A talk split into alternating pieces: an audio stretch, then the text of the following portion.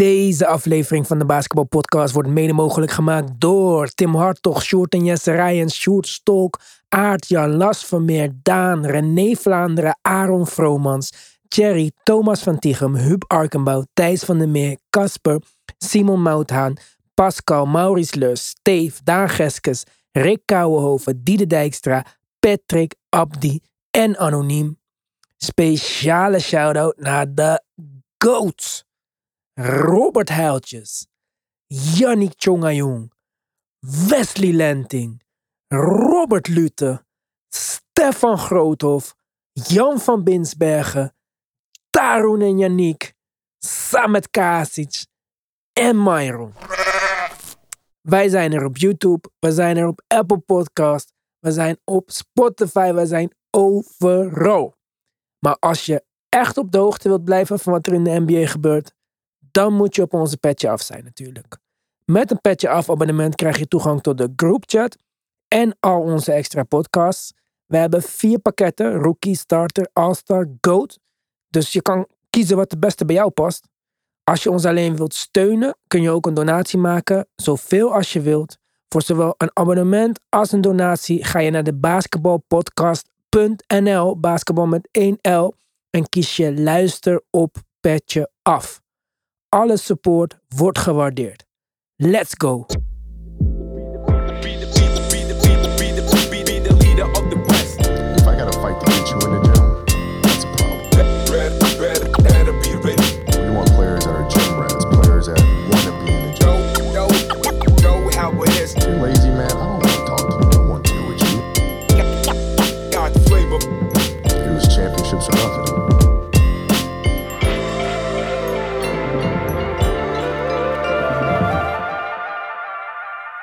Welkom bij aflevering 241 van de Basketball Podcast. We gaan het zo meteen hebben over de Clippers en de Pelicans. We gaan het hebben over ons team van de week. Jullie hebben gestemd. Wie heeft het gehaald? Wie gaat eruit? We hebben overreactions voor jullie. We hebben gisteravond op Petje Af natuurlijk al gepraat over de Lakers, over LeBron, over Donovan Mitchell tegen Jason Tatum. Het wordt gewoon een leuke uitzending. We hebben veel mooi basketbal gezien, veel spannend basketbal gezien, veel mooie affiches op papier. Helaas hier en daar wat geblesseerden. Maar wij hebben natuurlijk ook nog gewoon de teams die wij volgen, Tim. Jazeker. En af en toe wil je ook voor je lol een beetje basketbal kijken natuurlijk. Nou, ik neem aan dat jij lol hebt gehad toen de Pacers de Wizards versloegen. Die het best wel goed aan het doen waren. Dus dat is niet zomaar een klein overwinningje. Op ESPN. Op ESPN, oké. Dat is helemaal mooi. Voor de Pacers wel. National exposure voor jouw Pacers. Ja. Maar ehm, we hebben ook nog de Mavs. En dat is misschien nog een stuk interessanter, omdat ze op de lange termijn misschien ook wat interessanter zijn natuurlijk. Ja, die zijn dit seizoen eh, al wat relevanter in de top. Luca doet het goed. Eigenlijk vanaf moment 1 al. Eh, wat mij betreft de core van vorig jaar eh, terug en ook alweer lekker bezig. Tim Hardaway terug, niet onbelangrijk. Gaat ook Mhm. elke wedstrijd wel iets beter. En natuurlijk het succesverhaal Christian Wood. Maar ja, daar komen we zo nog even op terug. Ja, succesverhaal Christian Wood. Vooralsnu nog van de bank natuurlijk. Ja. En daar hintte jij op met komen we zo nog over op terug. Ehm, maar ook het missen van Jalen Brunson valt dus blijkbaar wel mee. Ja, als je dat op deze manier kan oplossen, doordat je een, een speler hebt die het, eh, die het zo goed doet als Wood het doet, ja, dan wordt dat natuurlijk wel een beetje gemaskeerd. Want er waren serieuze zorgen over wat zijn ehm, vertrek zou, eh, zou eh, veroorzaken bij de Mavs. Maar ja, als je met Wood zo'n eh, een speler binnenhaalt die het nu al zo produceert, ja, dan eh, is, de, is Brunson snel vergeten, denk ik. En hoe doet Dinwiddie het? Ja, d- over het algemeen goed. Uh, hij kan wel een beetje op en af zijn als het gaat om zijn productie. Maar uh, ik denk dat de geluiden daar in Dallas vooralsnog erg positief zijn. Omdat hij, hij gaat natuurlijk een iets grotere rol tegemoet. Dat wisten we Mhm. eigenlijk al wel. En vooralsnog pakt hij dat uh, best aardig op. Maar zien we hem weer een beetje in zijn oude vorm terug? Of merk je wel dat hij het een tandje minder is na zijn injury? Uh, nou, dat laatste wel. Maar uh, hij geeft toch meer en meer signalen. Dat is overigens, vind ik, al beter dan vorig seizoen. Van, uh, van laten we zeggen, de Brooklyn Dinwiddie. Dus die mm. zowel een gevaar is richting de basket als van buitenaf. En, en, ja, zo zie ik hem ook het liefst. En wat zo leek het in ieder geval altijd een goede locker room guy. Dus misschien ook op dat gebied. Uh... Ja, daarom was het verhaal Washington natuurlijk zo raar. Dat, ja. dat, dat signalen daar waren dat, dat hij dat juist niet was. Hier ligt hij heel goed in de groep. En uh, die groep is sowieso uh, vrij hecht en, en positief samen. positieve groep. Ja, dat is heel belangrijk, denk ik. Ik heb daar straks ook nog wat over te zeggen. Ik had drie teams die ik een beetje wou kijken dit jaar. Nou, eh, de Clippers. Ja, dit heeft geen zin meer. Want eh, de helft van de tijd speelt of Kawhi niet, of John Wall niet. Of nou ja, PG was dan ziek. Ik ga ervan uit dat dat niet nog veel vaker gaat voorkomen. Maar dit is kansloos. Ik ga niet meer elke avond zitten en oh, mooi affiche. En dan wordt het helemaal niks. Nou, dan hebben we de Nets. Nou, die begin ik al een soort van eh, zat te raken. Alles wat jij net zei over het ziet er goed uit, team, positivity. Niks van terug te vinden. Steven Nash is een waardeloze coach. Sorry, Steven Nash. Niet dat hij kijkt, maar ik had hem altijd hoog zitten. Maar dat is helemaal weg. Als coach vind ik dat die echt. En het- niet dat ik vind dat een andere coach misschien dit zootje op de rails had gekregen. Maar hij doet echt niks. Dus dan blijven de niks over. Ja? Zoals altijd kom ik weer terug bij de niks. Ja. Ehm, kijk, zij zijn niet contenders. En de verwachtingen van hen zijn ook niet zoals ik die bijvoorbeeld van de Clippers had, weet je wel. En- Of misschien zelfs van Brooklyn. Maar het is wel een veel leuker team om te kijken. En in ieder geval zijn ze eh, competitief in elke wedstrijd die ze spelen. En dat vind ik eigenlijk het belangrijkste. Want er zijn maar een aantal teams die contenders zijn. En dan moet ik gewoon fan worden van de Warriors of de Bucks of zo. Dan heb ik enige soort van zekerheid dat ik er nog, dat ik nog in de race ben Ja. ergens in eh, juli. Ja. Maar nee, voor wat betreft gewoon het leuk kijken, ben ik eh, heel tevreden met mijn niks. Ik kan me voorstellen. Ik zie en lees veel positieve geluiden vanuit New York. Ja.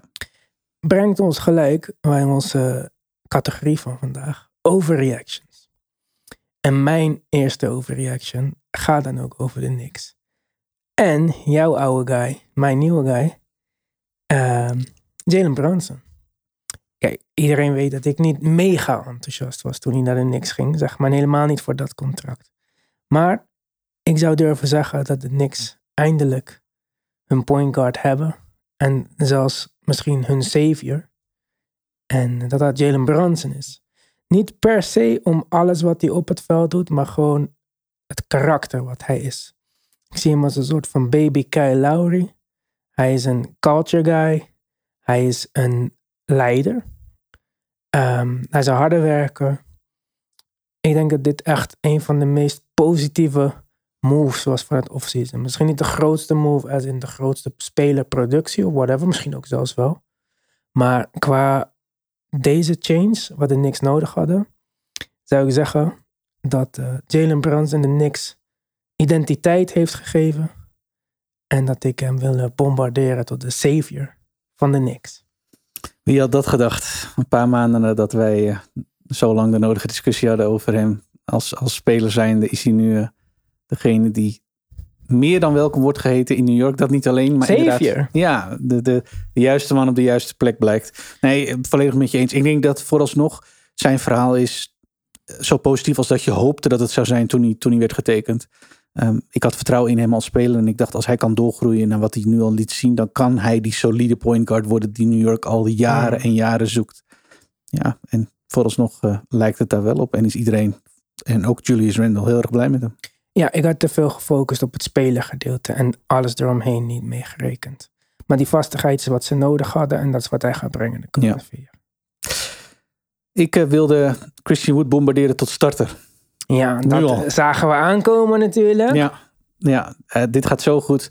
Ehm, en natuurlijk zit er een kracht in om hem van de bank te brengen op de manier zoals het nu gaat. Eh, Six Man of the Year. Misschien wel Mhm. een van de leiders in dat klassement nu al.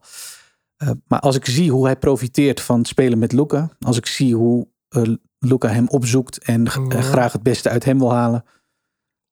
En wat hij ook al heeft aangegeven, hoeveel plezier hij heeft om met Luca te spelen. Dan, dan zou ik bijna willen zeggen, maak hem starter. Zorg dat die minutes aligned zijn van die twee. En laat ze zodoende optimaal profiteren. Wat mij betreft zou Wood dan nog iets min, meer minuten zou mogen spelen dan hij nu doet. Hij zit zo gemiddeld tegen de 25 aan. Ja. En dan denk je dat, dan denk ik, en dat is wat ik dan hoop, dat je met hem inderdaad die tweede ster, waar we met Dallas altijd al eh, Oh, over praten, ja, dat, je, dat je hem op die manier kan positioneren en inzetten. En nou ja, of dat uiteindelijk zo uitvalt, kunnen, kunnen we zien. Wat mij betreft is dat wat ik. eh, Nog net geen savior woorden heb Nee. ik gehoord en zo. Ja, kijk, ik, ik vind je verhaal begrijpelijk natuurlijk. En dat zou ik waarschijnlijk ook denken als ik fan was van het team. Maar als buitenstaander denk ik dan van een van de problemen van Dallas was dat ze niemand van de bank hadden, echt zeg maar. Dus nu hebben ze dat. En oké, okay, minuten lijn is leuk, maar wat moeten we in die minuten doen dat zij allebei dan niet op de vloer zijn, zeg maar. Dat wordt weer lastig. Ja. Dus ik vind dat allemaal nog niet eens zozeer het probleem. Die minuten mogen wel omhoog van mij. Want als het zo goed gaat in 25 minuten, dan wil ik ook wel zien wat er gebeurt in 30, 32 minuten. Exact. Zeg maar. Ja. Dus dat zou ik wel willen zien. En ook of zijn defense uh, ophoudt. In, uh, Dit is de grote vraag waar iedereen natuurlijk in Dallas een beetje, en inclusief de coachingstaf, uh, nu nog, nog een beetje vraagtekens bij heeft. Ik heb het gevoel als hij in ieder geval locked in is. Dat is bij, bij, bij hem natuurlijk uh, eigenlijk vaak het grootste vraagstuk. Ja, laat hem dan in ieder geval mee kunnen draaien in die defense die Dallas graag speelt. Want die gaat heel erg uit van het teamaspect, zeg maar. Ja. Ja, let's go. Let's go. Volgende. Het kampioenschap gaat naar de Bucks als ze het zelf niet verpesten. Waarom zeg ik dat? Kijk, uh, injuries uh, daar gelaten natuurlijk. Dat kan altijd. Ik uh, begin steeds meer fan te worden van Jannes. Niet om hoe hij speelt per se, want dat vind ik nog steeds niet super leuk. Maar gewoon zijn instelling, zijn attitude. Hij deed laatst al zo naar Ben Simmons. Je bent te klein. Vond ik niet eens erg. Is een van mijn lievelingsspelers. deed me niks. Voor de rest is Jannes stil. Hij is een harde werker. Het hele team lijkt dat overgenomen te hebben. Het zijn allemaal family guys. Van Drew Holiday tot aan Jannes. Zelfs een Bobby Portis, toch hier en daar bekend staand als iets wat problemen makend in ieder geval. Um, Mirotic geslagen, ja, Ja, ja. whatever. Neemt genoegen met minder geld. Brook Lopez slikt zijn ego in, speelt een andere rol. Zo een ex-All-Star die maar gewoon dat even moest slikken, dat hij niet meer naartoe deed. En al dat soort dingen. Jannes is absurd dit jaar. 35 punten, 13 rebounds, 6 assists. Ook al gaat dat met 5 punten naar beneden. Het is nog steeds fantastisch. En dat doen ze allemaal nog zonder DiVincenzo, zonder Middleton. En volgens mij missen we nog iemand. En Ingles. Bijna vergeten. Een grote aanwinst. En die drie missen nog. En toch zijn ze nu, kleine sample size, voor mij al zo volwassen in hoe ze spelen. En dan bedoel ik niet volwassen, zij zijn een ouder of zo, maar gewoon, zij zijn het meest klaar van alle teams in de NBA. En dat vind ik uh, bijzonder om te zien. Ik denk dat het getuigt van wat de Bucks hebben gebouwd over de jaren heen. Zowel de general manager als de coach in Budenholzer. En uh, Janus work ethic gewoon. Uh. Dus ik denk dat het echt, ja, ze hebben de kwaliteiten, ze hebben de ervaring. Dus ja, ik zie niet een bedreiging. Tot nu toe.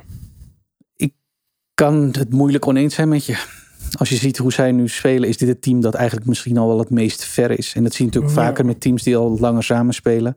Maar zij hebben toch een bepaalde volwassenheid. En, en als je dat nog doet zonder die, wat je net zei, Pat Connington, jongens als Pat Connington, maar ook eh, Joe Ingles die later nog terugkomt, waarvan je ook wel Die weet. Vincenzo is het toch bij? Vincenzo is bij de Warriors. Oh, ze zeggen altijd verkeerd, die twee door elkaar. Maakt niet uit. Het Ja, is duidelijk die wie je bedoel bedoelt. ik, Ja. ja. dat zijn, en dat zijn toch jongens die straks wel gewoon serieus, serieus in de rotatie gaan zijn. Dan vind ik het al zo knap dat, dat Milwaukee gewoon weer verder gaat. Eigenlijk op dezelfde voet. En gewoon ja, Ja, zo goed is. Ja, daarom. En dat vind ik indrukwekkend. Is het ook. Ja. Eh, ik wil graag eh, Benedict Mathurin eh nou ja, het bombarderen tot Rookie of the Year. Maar ik wil zijn Rookie of the Year campagne starten hierbij. Ja. Ehm, eh, fantastisch verhaal. In sowieso een sterke rookie-klas. Dat, Ja, dat kunnen we al wel ook. stellen.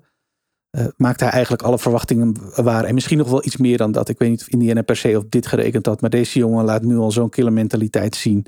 Eh, scoort ruim 25 punten per 36. Als je dat, eh, en dat is Mhm. eigenlijk Banquero de enige die dat op dat niveau ook een beetje, een beetje zit. Ja. Ehm, en wat, wat ik vooral indrukwekkend vind aan hem nu al, eh, voor een rookie, is zijn finishing. Hij gaat het contact niet uit de weg, zoekt het juist op. En dat maakt hem veel gevaarlijker dan een rookie die misschien eh, of nog onder de indruk zou zijn van dat contact. Of daarin Ja. toch niet helemaal goed doorheen komt. Settelen voor jump shots. Hij is nu gewoon een, een, een finishing threat, maar ook outside. Is altijd een goede schutter geweest. En Ja. Maar wanneer gaat hij starten dan? wanneer gaat, het, wanneer gaat hij starten? Ja. Hij gaat denk ik starten zodra Buddy Hield eh getrade wordt. Dat zie ik eigenlijk als het moment om hem Ja, want je zou toch denken van aangezien Indiana niet speelt voor de playoffs, kunnen we toch wel zeggen. Ja. Dan waarom niet hem de meeste minuten geven? Helemaal nu hij het goed doet. Ja. zeg maar. Ja, omdat Buddy Hield, denk ik, op deze manier ook nog, uh, nog een beetje gespeeld wordt. En waar ze natuurlijk op hopen is dat hij het goed doet. Wat, hij voor ons nog, uh, mm. wat het voor ons nog wel het geval is. Om hem uiteindelijk te kunnen verhandelen. Dit seizoen nog. Nee, en dat is denk ik het start zijn voor, uh, voor Matherin om dan naar de starting unit te, te verplaatsen. Ja. Oké, kort mijn laatste. De Warriors moeten gaan kiezen tussen Clay en Dre. Ja, niet misschien een hele popular take. En ik snap dat heel veel mensen zouden zeggen van maak het seizoen af. Maar ik denk dat de kans op een repeat sowieso klein is. En ik denk dat het nu duidelijk wordt dat je niet alle twee kan houden. Of dat het duidelijk is na de verlenging van Poole en Wiggins. En ik denk dat daarom de keuze toch onvermijdelijk is. Dus waarom uitstellen wat je nu al kan veranderen? Het enige lastige daaraan is dat het een hele moeilijke keuze is. Als je mij vraagt zonder na te denken, zou ik gelijk zeggen: hou Clay. Maar ik denk dat Clay, uh, die de laatste tijd ook zelf daar uh, gefrustreerd om is als mensen zich hem daarop wijzen, toch een tandje minder is dan dat hij was. Stapje langzamer. Ja. En komt dat nog terug? Hoe lang hebben we nog de tijd om af te wachten of hoeveel procent hij wordt? Want Draymond's contract is aan het eind van het jaar afgelopen als hij die play-optie niet neemt. Ja, klopt. Dus, waar, dus dat is ook de tijd die je hebt om te wachten om deze beslissing te maken, zeg maar. Um, dan denk ik van ja, Oké, okay, tuurlijk kan je nog even wachten, maar het is niet alsof we echt lang kunnen wachten. En als je nog iets voor Draymond terug wil hebben, dan moet je dat misschien rond de trade deadline doen. Als je het niet op een zijn trade rekent, zeg maar. Ja. Dus ja, hoeveel procent moet Clay zijn om Clay te kunnen verantwoorden, zeg maar. Want het is makkelijker in principe om te vinden wat Clay doet. En dan wil ik niet Clay underraten nu zo, want ik vind hem heel goed. Dan wat Draymond in principe deed. Ja. En dan zeg ik er weer bij, het is weer een soort van sterretje erbij. Want date. Natuurlijk was Draymond nog belangrijk vorig jaar voor het kampioenschap. Maar niet zo belangrijk als dat hij jaren geleden was. Ja. Met de opkomende guys die ze hebben. Die andere dingen doen dan dat hij doet. Maar ik denk dat niemand ooit in de NBA-geschiedenis deed wat Draymond doet. In zijn beste vorm. Ja. Dus um, ja, het is, het is lastig. Kan je spelen met Wiseman als rim protector? Met Wiggins, Clay en nog een uh, 3D wing? Is dat dan een makkelijkere formule om te vervangen dan Clay Thompson vervangen? En hopen dat Draymond niet nog verder afzakt? Kan je Draymond ooit naast Wiseman spelen? Gaat dat ten koste van je spacing? Dus het is een lastige beslissing, maar ik denk dat die gemaakt moet worden. En ik denk dat die gemaakt moet worden voor de trade deadline. Welke zou jij kiezen? Ik denk, ja, moeilijk. Maar ik denk dat Clay ook bereid moet zijn dan om korting te geven als ik voor Clay kies. Dat denk ik ook wel. Ja. Ik kan niet 40 miljoen verantwoorden voor deze speler. Ik zie Clay ook als een belangrijkere piece vanuit perspectief van Curry gezien. Als Curry nu zou moeten kiezen met een, met een geweer op zijn hoofd, kiest hij denk ik Clay boven Draymond. Dit is misschien een observatie van buitenaf. Als het over feelings gaat. Maar wie maakt het makkelijkste voor hem op het veld? Maar hoe, hoe zou hij kiezen? Maakt hij die afweging of heeft hij gewoon iets van wat er ook gebeurt? Clay staat naast me. Ik denk dat het voor zulke teams belangrijk is dat de sfeer goed is. Ja. En ik weet niet of zo'n incident als wat met Raymond is gebeurd ooit helemaal vergeten kan worden. En zeggen mensen Michael Jordan, Steve Kerr, niet dezelfde verhouding. Nee, dat zou ik ook niet willen zeggen. Nee. Steve Kerr was geen Draymond of op. Uh, ja, precies. Plus dat het veel later naar buiten kwam. Dus ja. Dat is gewoon niet te relevant te vergelijken. Wat is jouw laatste? Uh, Jacob Peutel. Ik zou hem graag op een contender zien. Free Peutel. Um, doet het goed. En wat mij betreft zo goed dat, ik, dat het dit weer een voorbeeld is van een speler die het misschien wel te goed doet op een team dat toch niet speelt voor de prijzen. Maar al jaren ook best wel goed is. Ja, al jaren een stapje beter. Ik heb zijn stats er even op nageslagen. Maar eh, de manier waarop hij dit seizoen start is wel weer het beste van zijn carrière. Als je deze lijn zou doortrekken. Okay. En als je ziet hoe, wat voor speler hij is, kan hij, wat mij betreft, op een aantal contending teams gewoon, eh, heeft hij gewoon nog veel te brengen. En dan denk ik, ja, hij is 27. Dit, deze jongen gaat dus nu zijn prime in. Ja, ik zou het voor hem, uh, voor hem en voor de ploeg die hem dan binnenhaalt, uh, alleen maar goed, goed vinden dat hij nou ja, zijn skillset kan tonen op een ploeg die daadwerkelijk ergens om meespeelt. San Antonio heeft het belang toch niet met hem. Ja, weet ik. Kijk, toen jij dat zei, want je hebt me van tevoren verteld natuurlijk, dacht ik van oké, kunnen we hem naar Brooklyn krijgen, want die hebben echt geen protection nodig. Ja. Toen dacht ik, ja, maar ze hebben ook spacing nodig. Want dat is precies wat. En ik, kijk, ik moet je ook eerlijk zeggen dat ik Peutel niet zo vaak gezien heb de laatste twee seizoenen. Dus ik dacht, laat me even in de statistieken duiken. Hoe goed zijn spacing is. Want bijna elke center schiet drie punten. Zeg ja, maar. hij niet. Hij heeft er drie genomen in zijn hele carrière. Ja. Ik was echt verbaasd. Ik dacht, eh, tenminste één per wedstrijd Nee. of zo, zeg Nee, maar. hij doet veel, maar niet schieten. helemaal niks. Nee. En dit is wat het weer heel lastig Ja. maakt. Dan moet je het al echt, dat moet dan al echt. Hij zou bijvoorbeeld een hele goede center zijn voor de Warriors. Als ze niet al eh, iedereen hadden. Als ze niet Looney hadden. En. Wiseman willen pushen, zeg maar. Maar daar zou hij heel goed werken, denk ik. eh, voor die minuten wat Looney maakt. Maar dat, nogmaals, heeft geen zin. Maar bij Brooklyn past hij dus bijvoorbeeld al Nee. niet.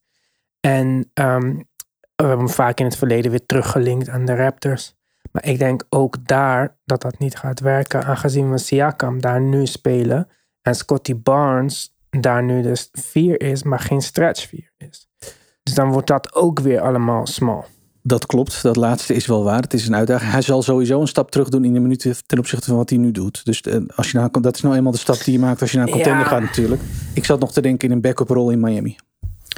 Ja, prima. Voor mij mag het Bam sowieso. Kijk, ergens Dus, starten op een eh, contender, dat hoeven we niet van. Maar ik denk dat hij een hele waardevolle backup kan zijn. Nou ja, hij zou echt een, de allerbeste plek zou zijn bij Boston natuurlijk. Ja.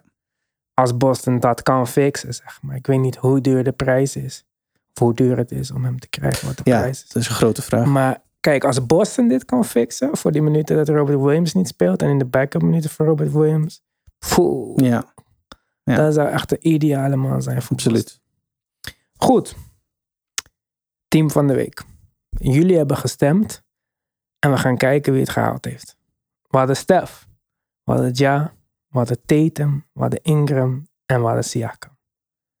Na deze week zou je kunnen zeggen dat Jokic daarin thuis hoort natuurlijk. Ja, Gek genoeg hebben we niet zoveel stemmen gehoord. Die zeiden, ik wil Jokic erin. Ik vond dat een tekeltje gek. ja, Maar goed, hij is niet de fan favorite, zeg maar. Luca, hoop stemmen gehad. Maar ik denk dat het ook eh, lastig werd om Luca erin te krijgen. Omdat het dan betekent dat je Ja of Stef eruit moet halen, Ja. zeg maar. Denk ik zelf dat hij misschien nog over Stef had gekund. Dat denk ik ook, eerlijk gezegd. Ja, Ja, maar er was één duidelijkere kandidaat. En dan ben ik het ook eens met onze luisteraars en de mensen die hebben gestemd. En het is ook een makkelijker vervanging, want Brandon Ingram, die wordt vervangen, die zit in een concussion protocol de Ja. hele week. Die gaat niet eens spelen dit weekend. Dus die gaat eruit. En de nieuwe speler wordt, ja, ik heb geen special effects of zo, maar het is ook niet super verrassend. Giannis ja. Wat hij doet is abnormaal. Uh, Milwaukee staat bovenaan. Boven de 30 punten, boven de 10 rebounds, 6 assists, defense. Ja, ik kan niks anders zeggen. Ik heb echt, eh, dit is echt mijn eh, jaar van love voor Jannes, denk ik. Want ik kan echt niks negatiefs over die jongen bedenken. Helemaal met je eens. Ik zit ook iedere wedstrijd weer toch meer met, met ongeloof naar hem te kijken. En ik denk, hoe krijg je het voor elkaar dat je nu gewoon weer zo verder gaat op, op, op zo'n hoog niveau naar wat je vorig jaar hebt laten zien, waarvan iedereen al zei, wauw, is dit, dit is toch eigenlijk gewoon de beste speler in de NBA. We zitten nu, nou, hoeveel wedstrijden in het nieuwe seizoen? Hij Ja. doet het gewoon weer. Misschien, ja, Ja, denk ik ook. Ik denk zelfs inderdaad dat hij misschien de leading candidate voor MVP is. Als de- ik, ik zie als de Bucks zo doorgaan, dan gaan ze echt 60 plus wins halen. ja, dan heb je, ik zou geen case kunnen maken daartegen. Ondanks dat er een aantal spelers zijn die het ook heel goed doen, Ja. uitzonderlijk goed doen.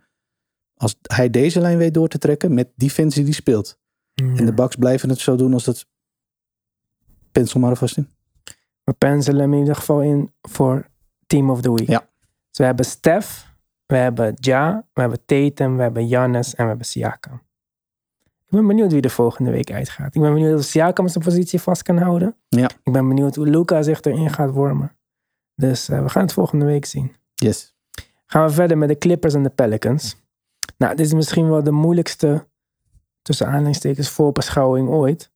Aangezien beide eh, teams hun beste spelers hebben laten rusten, slash load management, slash injury management, slash onzin. In ieder geval missen. Ja, al deze, twee, deze twee teams hoef je allebei niet te kijken. Als je ze wil volgen, want je je raakt elke keer teleurgesteld. Gisteren, eergisteren speelden de Pelicans tegen uh, Suns. Suns. Ik ging ervoor zitten. Ik dacht, nu komt het. Ingram wist ik. Hè? Ja. Concussion protocol, maar vind ik niet erg. Boom, Zion weer aan de kant. Ja.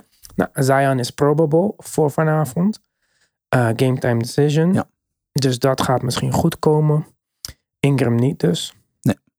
Uh, Herb Jones, Uh, Game time decision. game time decision. Nou goed, oké, ik ga niet per se kijken voor Herb Jones, maar ik zou het fijn vinden als hij erbij is. Ja. Aan de andere kant hebben we Kawhi, die eh, weer met mysterieuze dingen bezig is. Norman Powell heeft hem zaterdag nog niet eens gesproken. Eh, Lou eh, zei, ik weet niet of hij gaat trainen of niet. Dus dit is weer een mysterie, zeg maar. Het maakt niet eens uit meer wat er uitkomt. We weten het niet. We gaan het ook niet weten. Dus dit, voor mij is Kawhi gewoon letterlijk... Je kan hem nu voor de komende 76, 78 wedstrijden, whatever. Nou, je kan die back-to-backs er al uithalen. Maar voor de rest kan je opschrijven game time decision. Ja, en misschien wel st- steeds meer voedingsbodem van eh, zorgen. Want als we de balans nu opmaken, is hij één wedstrijd vanaf de bank gekomen. Daarna toch weer met zijn knie in de weer gegaan. Tot nu oud geweest. Ja, maar En- ze zeggen niet in de weer met zijn knieën. Ze zeggen Ah, dat nee. het gewoon injury Aan- management ja, aan het, aan het herstellen. Hij is ook gewoon echt terug van het team gegaan naar eh, Ja, LA. Om, Midden in zijn OKC-trip, zeg maar. En dan hoor je weer, weer dagen niet van hem. En dan. Ik- De manier waarop dit gaat, zou me geen. Op een gegeven moment ben je zo vaak afwezig dat het ook geen meerwaarde meer heeft als je er wel bent. Als je een speler van het Ja, kaliber Kawhi bent. eh, 21 minuten per wedstrijd gespeeld. Twee wedstrijden of zo. Ja, hij wel, want dat verwacht hij natuurlijk als hij speelt. En dat zal zijn team ook van hem verwachten. De nummer één optie is. Ja, Ja. dat is voor een team dat dag in dag uit aan het spelen en trainen is. Op een gegeven moment wordt dat dus, creëert dat een soort disbalans. En Paul George daar ook. Ja, maar Paul George was ook niet... Die was ziek, non-covid illness. En Ja. die leek ook nog steeds ziek in eh OKC. Ja, dat is waar. Maar eh, Maar die gaat vooralsnog wel meer spelen. Ja, hoe lang duurt het voordat ze zien dat, het, dat de meerwaarde een beetje begint? ja, ik weet het niet. Maar het begint, mij, het begint mij te irriteren. Helemaal omdat het is een van mijn favoriete spelers. Ja. Dan ga ik ervoor zitten en dan wil ik het zien. Dan is hij er weer niet, zeg maar. Ja. En kijk, ze zijn natuurlijk... eh, Een aantal jaar geleden hebben ze de Western Conference Finals gehaald zonder hem. En dan denk je van, ah, met hem erbij, in welke staat dan ook, ben je al een stuk verder. John Wall, afgelopen wedstrijd 17 punten, ook niet slecht.